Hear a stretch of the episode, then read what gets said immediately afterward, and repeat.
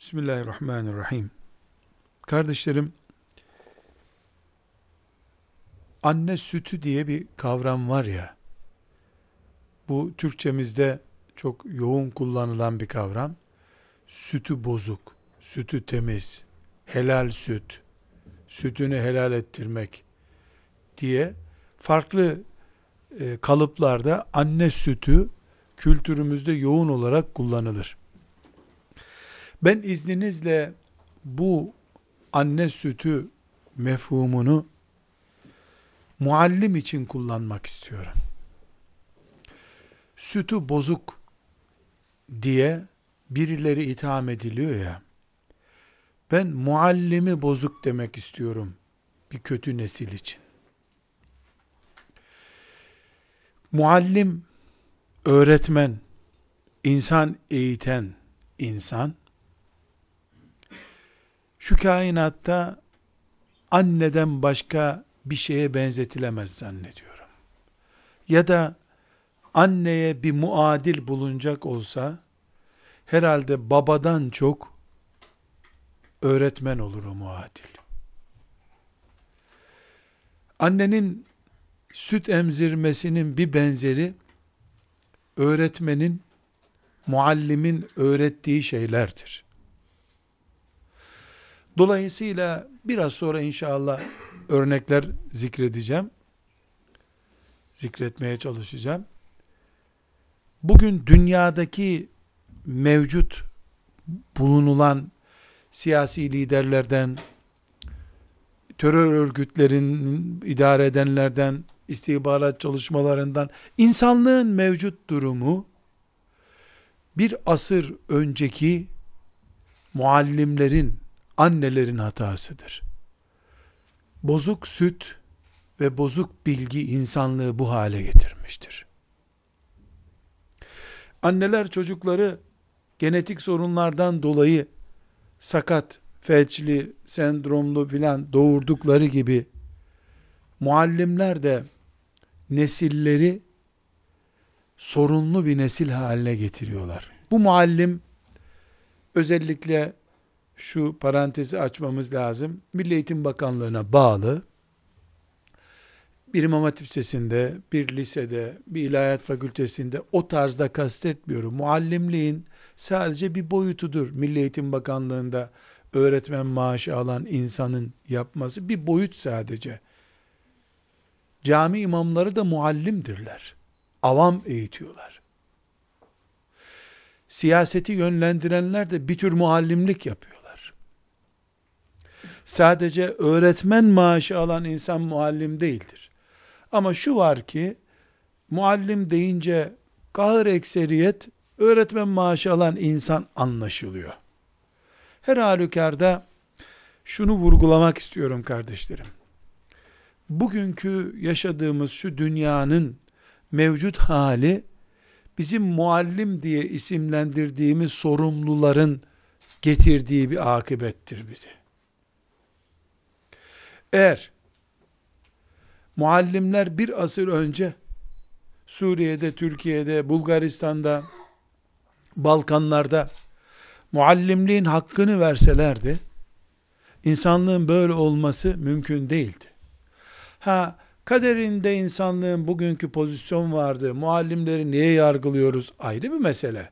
Zahiri sebepleri değerlendirmeye çalışıyoruz. Bu işin zahirinde ne var? Müslümanın muallime bakışı var. Bir Müslüman olarak bugünkü pozisyonu 100-150 sene önceki muallimlerin üstüne yıkıyorum ben.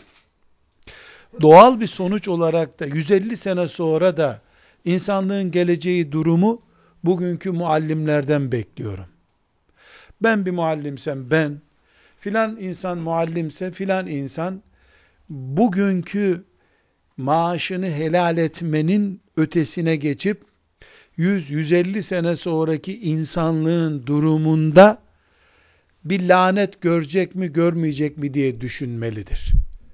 Bugün dersi 50 dakika işleyip zil çalınca dışarı çıkan insan helal maaş almış olabilir. Maaşını helal ettirmiştir o sadece. Bir de Allah'ın yüklediği kulluk üzerinden helallik tasavvuru gerekiyor. Çünkü bugün Allah, şeriat, peygamber, insaniyet, helallik, haramlık mefhumları 150 sene önce, 100 sene önce insan yetiştirmek zorunda olan muallimlerin hatası yüzünden bu duruma gelmiştir. İnsanlık Adem Aleyhisselam'dan beri kabil yetiştiriyor. Defolu insan hep bulunacak. Ama insanlığın kısmı azamı, yüzde doksanı defolu olmamalıydı. Cahiliyet döneminde bile Varaka gibi kaliteli insanlar vardı. Cahiliyet döneminde alkol kullanmayanlar vardı. Kız çocuğu gömellerin yanında kız çocuklarını Allah'ın nimeti olarak gören 3-5 insan vardı. İnsanlık toptan helak olmamalıydı. Bugün eğer bu ülkede neredeyse camiler bile e, şunların camisi, bu tarikatların camisi diye bölünecek duruma geldiyse, bu İnönü'den sonra dini yaşatıyoruz diye hizipçiliği, tarikatçılığı, vakıfçılığı, grupçuluğu geliştiren anlayıştaki insanların hatasıdır bugün. Müslümanlığın geldiği durumdan eğiticiler sorumludur. Öğretmenler, muallimler sorumludur. Kimdir bu muallimler? Tekrar ediyorum. Elbette milli eğitimde görev alanlar, camilerde görev alanlar veyahut da insanların 500 e, tane, 1000 tanesine mürşitlik yapacağım diye bir tarikatın başında bulunanlar veyahut da bir vakıf kurup üstüne de kültür, eğitim, hizmet diye isimler yazıp o vakıfta gençlere, ihtiyarlara, kadınlara eğitim yapanlar. Muallim bir şey öğreten demek adı üstünde. Öğretmen demek. Bu mesleği muallim olarak da olabilir. Çocuğa kaşık tutmayı öğreten öğretmen annedir. Anneden daha büyük öğretmen olur mu? Kaşık tutmayı öğretiyor, yürümeyi öğretiyor, temizlenmeyi öğretiyor. En büyük öğretmen anne zaten. Bu sebeple bugünkü kaosumuz Müslümanlar olarak, insanlık olarak geldiğimiz kaosumuz hep böyle Darwinci nazariyelere yıkıyoruz kabahati. İşte Darwinci eğitimin geldiği sonuç diyoruz. E Darwinciler oradaydı da Adem'in çocukları nerede 150 senedir? Adem'in çocukları nerede? E, İmam Hatip Lisesi'ne kabahat yıkılıyor. Kur'an kurslarına. Hayır efendim. Bu ülkede 120 bin cami var 50 senedir. 120 bin eğitimci demek. 120 bin insan her hafta e, ortalama en az bu ülkede 30 milyon insan cuma namazı kılıyor. 30 milyon insana 52 kere her hafta her hafta cuma hutbesi dinlediğine göre 52 kere her sene Allah, ahiret, cennet, cehennem, haram, helal anlatılsaydı herhalde yalan konuşarak ticaret yapamaz Müslüman şuuru da ezilmezdi. Bugün insanlığımızdan büyük ödünler vermek zorunda kaldık. İnsanlık değerlerimizi tartışıyoruz. İtham ettiğimiz kafirler, Allah tanımaz dediğimiz komünistler neyle itham ediliyorsa yani neyle onları ayıplıyorsak e, Müslümanların arasında benzer şeyler konuşulur oldu. Yani çok ötelerde kalmış tarihi fırkalaşma, hizipleşmeler Müslümanların e, kendi aralarında resmi kavga konusu olmaya başladı. Yani kafirler artık bizi e, gülüp e, geçiştiriyorlardır diye de e, e, söyleyebiliriz. Burada kardeşlerim birinci açmak istediğim paragraf bugün sizler muallim kadrosu olarak inşallah bizler camilerdeki imam efendiler veya başka bir nedenle insanların nesil yetiştirmekle mükellef bulunan idarecileri vesaire hepimiz 150 sene sonra insanlık böyle bir salonda toplanma fırsatı bulursa bir daha bir yatsıdan sonra mesaiden sonra insanlar bir daha bir araya gelmeyi belki kaybedecekler 5-10 sene içinde. Çok kötü bir gidişata doğru gidiyor insanlık. Yani en iyi bunu Müslümanlar yapmalı. Müslümanlarda bile bu bir arada durma neredeyse zor hale geldi. Bu bu 150 sene sonra muhasebesi yapıldığında hiç tereddüt etmiyorum ki Allah'ın belalı nesli ne biçim insan yetiştirdiler. İnsanlığı öne çıkaramadılar. İslam'ın kendisini değil, kendi İslam'ın içindeki küçük bir tarikatı, İslam'ın içindeki küçük bir vakfı öne çıkardılar. İslam yerine başka parolalar bize ürettiler. Namazdan daha değerli ibadet varmış zannettirdiler bize. cihadı ayıplı hale getirdiler diye bugün muallim durumunda olanlar olarak gelecek kuşakların laneti altında kalacağız. Tıpkı şimdi ben bundan 110 sene önce, 120 sene önce İstanbul'da halife varken Bursa'da Ulu Camii'nde bir Kadir gecesinde Kadirilerin zikrimi daha eftaldir, Nakşilerin zikrimi daha eftaldir diye kavga edip birbirini öldürenlere ve ona ses çıkarmayan Ulu Cami'deki imama ve bunu protesto edip hiçbirinin cenazesi kılınmaz. Ulu Cami'de birbirini öldürenlerin cenazesi kılınmaz diye demeyen kadı, Bursa kadısına hepsine şu anda esefimi mezarlarında da olsalar ilettiğim gibi bir camide, bir şehrin en büyük camisinde, valinin namaz kıldığı bir camide, Kadir Gecesi diye bilinen bir gecede, sesli zikir mi daha değerli, sessiz zikir mi daha değerli diye kavga edilir de, bütün Müslümanlar olarak onları topluca kahr altına veyahut da protesto altına almazlarsa, şimdi ben bugün o tarikattır, o vakıftır, şudur diye, bir sürü ithamla Müslümanların birbirine baktığında köklerine inerim, kökünde de bu rezilliği bulurum. Caminin içinde siz bu cinayeti niye işlediniz? Hanginizin bir hücceti var Allah katında derim. Bugün 100, 120 sene sonra bunu ben bir esef konusu olarak görüyorum. Emevileri de yanlış niye yaptınız diye bunun için ayıplıyorum. E, Abbasilerin de bu yanlışını niye böyle yaptınız, ümmeti niye bu kadar derin uçlara sevk ettiniz diye kınıyorum. O zaman 150 sene sonra da işte Antalya'daki 50 tane Müslüman bir araya geldik. Erzurum'da 100 Müslüman bir araya geldik. Ama bir araya gelişimiz bizi bir araya getirdi, İslam'ı parçaladı. Yani parçaları İslam'ın İslam'dan daha değerli hale geliyor. Bugün Müslümanlar olarak kardeşlerim 50 dakikalık dersi yapıp helal maaş aldığımızı düşünerek bir salondan çıkamayız biz artık. Bu dönemi geçtik Müslümanlar olarak.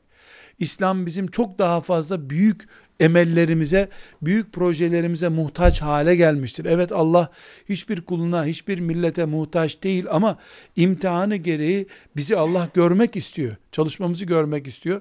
Bu sebeple kardeşlerim e, bu e, gecemizi Rabbim mübarek etsin diye dua ediyorum. Sizlere de teşekkür ediyorum. E, dinleme nezaketinde bulunuyorsunuz. Ama bunu artık haykırma zamanımız geldi. Muallimler olarak bugünün işini yapmıyorsunuz siz. 150 sene sonra milyarlarca rahmetle anılacak bir iş yapıyorsunuz veya 150 sene sonra 10 tane genç bu hale niye geldi bu Müslümanlar? Niye biz şu noktada geriyiz dediklerinde şöyle geri doğru indikleri zaman belki de oturup sabaha kadar bize mezarımızda bela olacak, mezarımızda azap olacak şeyler gönderecekler. Kınayacaklar bizi. Çünkü biz bizden öncekilerin sorumluluğunu inceliyoruz. Bugüne İslam nasıl geldi? Nasıl nasıl Resulullah sallallahu aleyhi ve sellem'den daha değerli büyüklerimiz olabilir bizim? Nasıl biz ashab-ı kiramı şu mu daha güzel, bu mu daha güzel diye futbol takımı tutar gibi ashab-ı kiramı nasıl tutarız biz? Nasıl ashab-ı kiramın büyükleri veya küçüklerine söz uzatılır da biz sabaha kadar uyuyabiliriz? Bu, bu ne, ne sayesinde bu araya geldi? E, herkes bir tarafa çekti.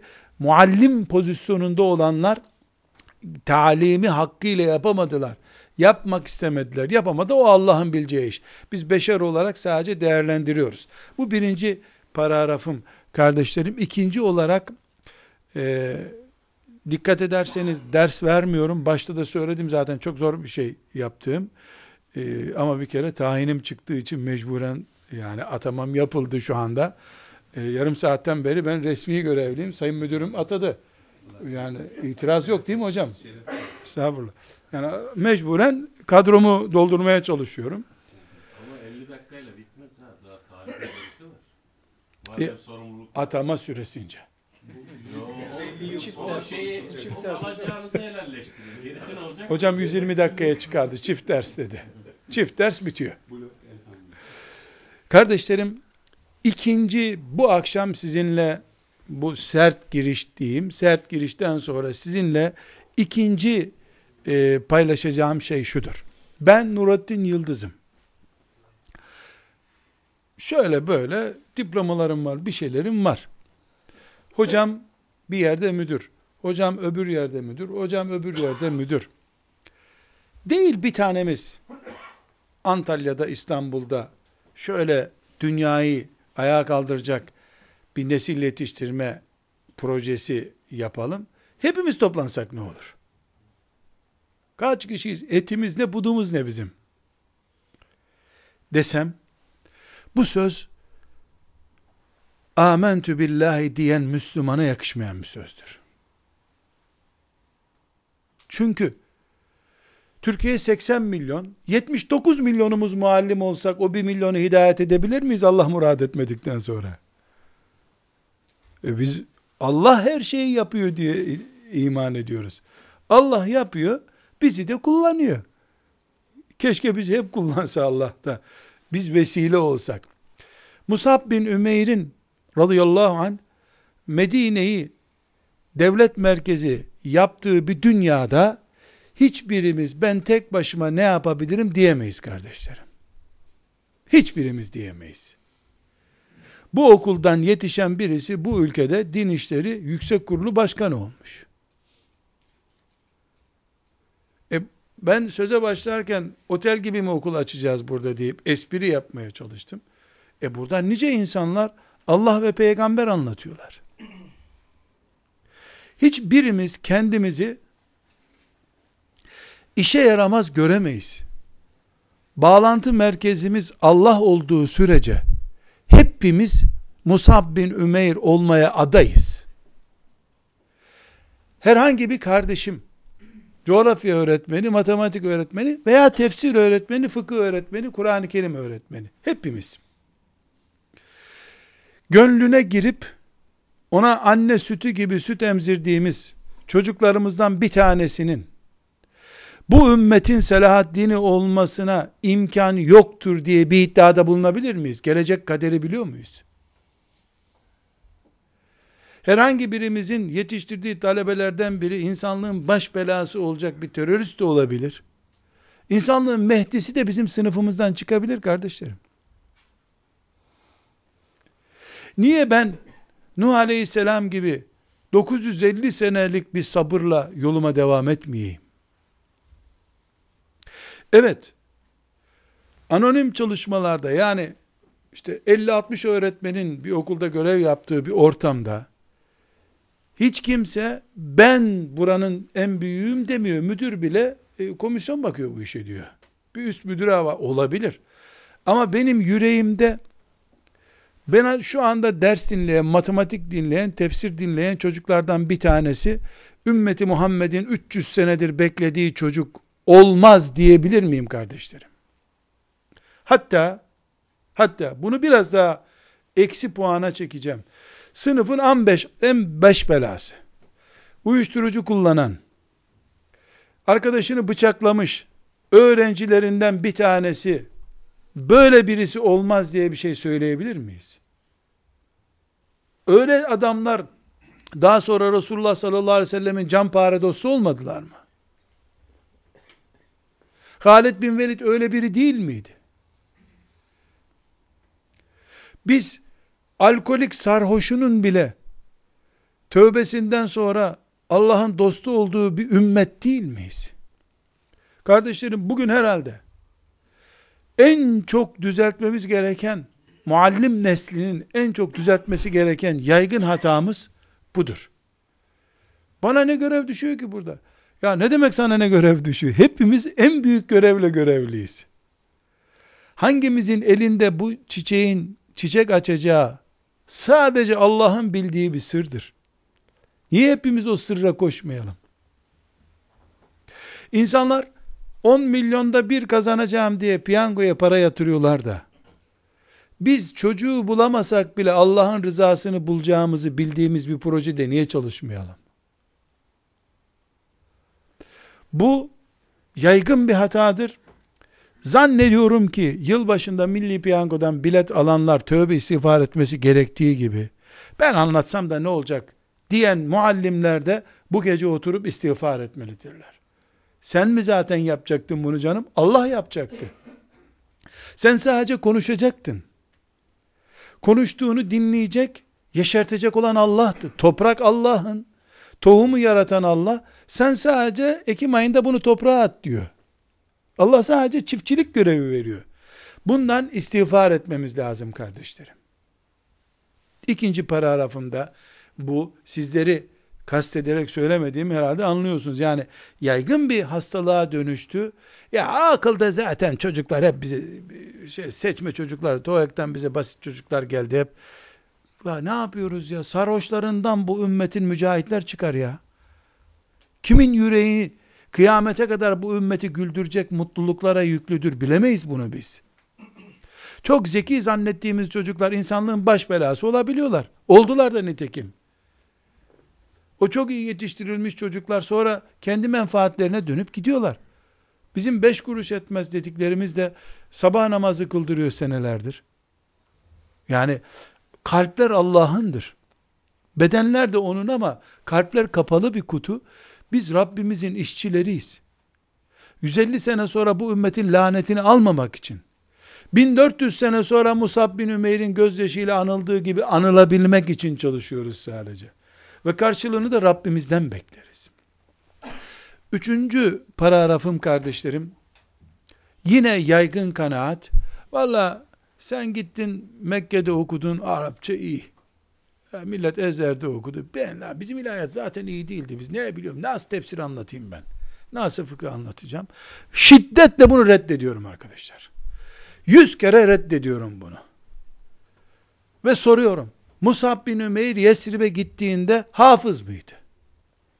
Nereden hafız olacak? Kur'an'ın beşte biri inmişti o zamana kadar. O inen ayetleri de Habeşistan'da olduğu için dinleyememişti o. Efendimiz çok kısa bir zaman kaldı. Habeşistan'da geçti ömrü. Ya 20 sayfa ya 30 sayfa Kur'an biliyordu. Bin tane hadis mi biliyordu? Vallahi bilmiyordu. Bilmiyordu ya ne bilecekti?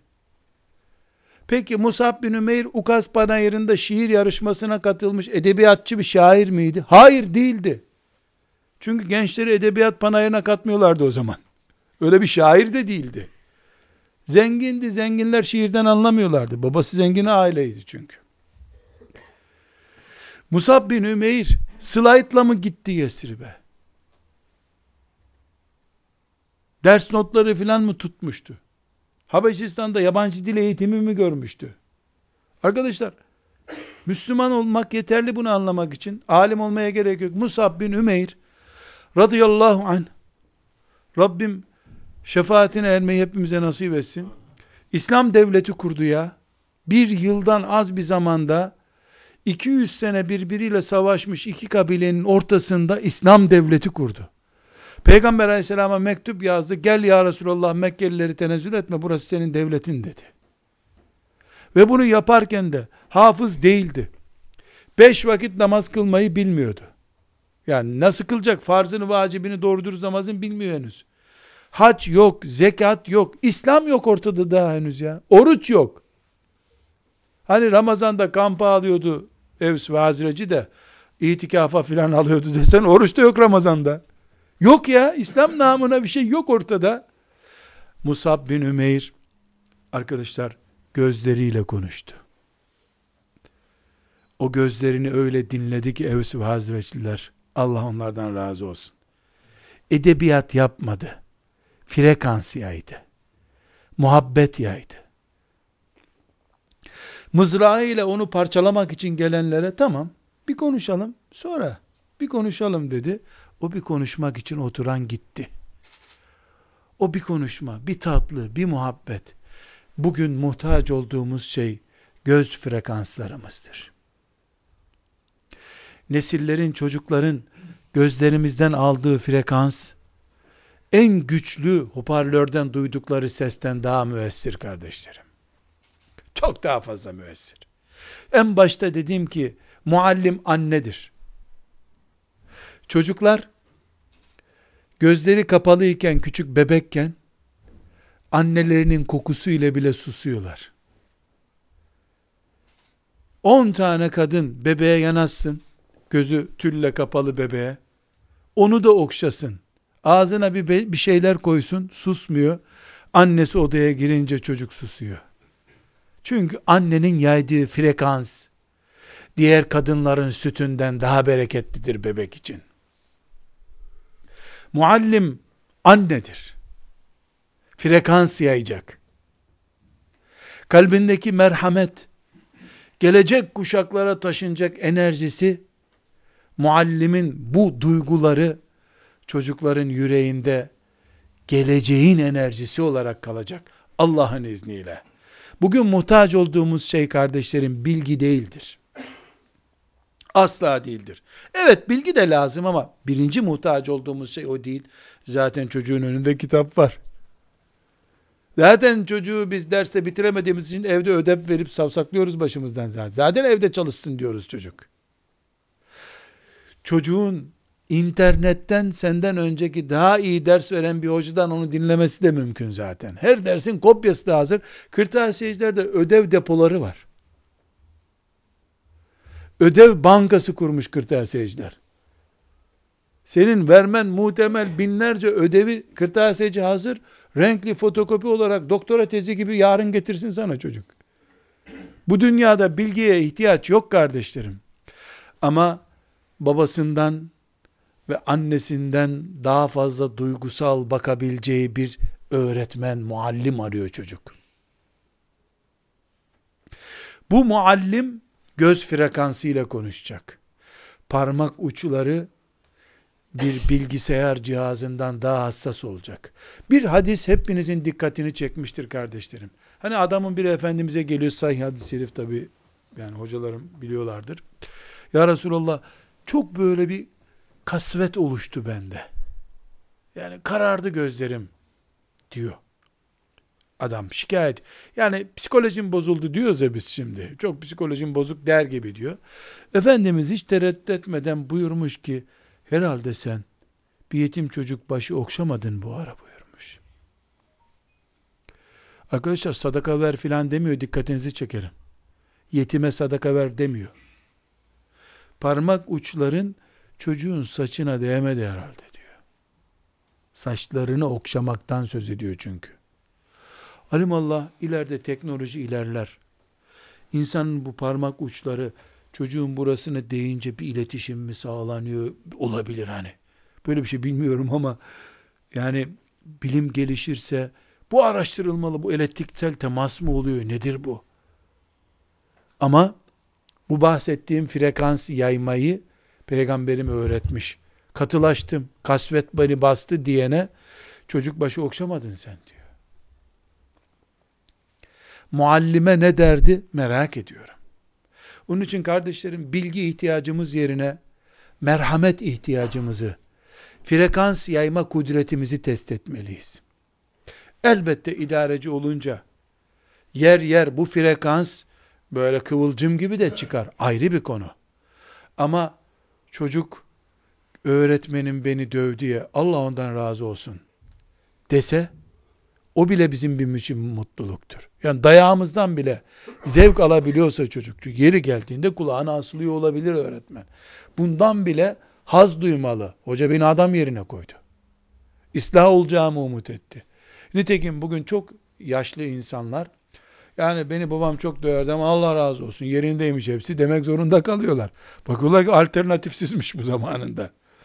Burada kardeşlerim bir nokta ile kapatacağım. Şimdi dedik ki annedir öğretmen. Muallim öğretmen. Başka bir şeye benzetemiyorum. 150 sene önceki öğretmen kusurlarının faturasını insanlık bugün ödüyor. 150 sene sonrakini de ödediği zaman insanlık biz sorgulanacağız. Dedik. Sonra döndük dedik ki bizim ihtiyacımız bilgi değil. Bizim ihtiyacımız imandır. Ben Allah'ın aletiyim bu işte. Ben çalışırsam Allah bana verir dedim. Sonra da bilgi ihtiyacımız değil, frekans ihtiyacımız var dedik. Son bir nokta bu frekans sorununu çözebilir miyiz? Eksikliğini kabul ettik. Çözebiliriz kardeşlerim. Müminiz elhamdülillah. Zikrullah eksikliğimiz katılık olarak dilimize yansıyor. Az Kur'an okuyorsak yansıyordur. Salavat eksikliğimiz vardır.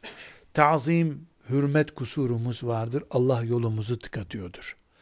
Cemaatle namaz kılmadığımız için günümüz bereketsiz oluyordur. Dilimizden bal akmıyordur. Kalp yumuşatıcı ilaçlar tavsiye ederim. damar tıkanıklıklarını çözen ilaçlar var.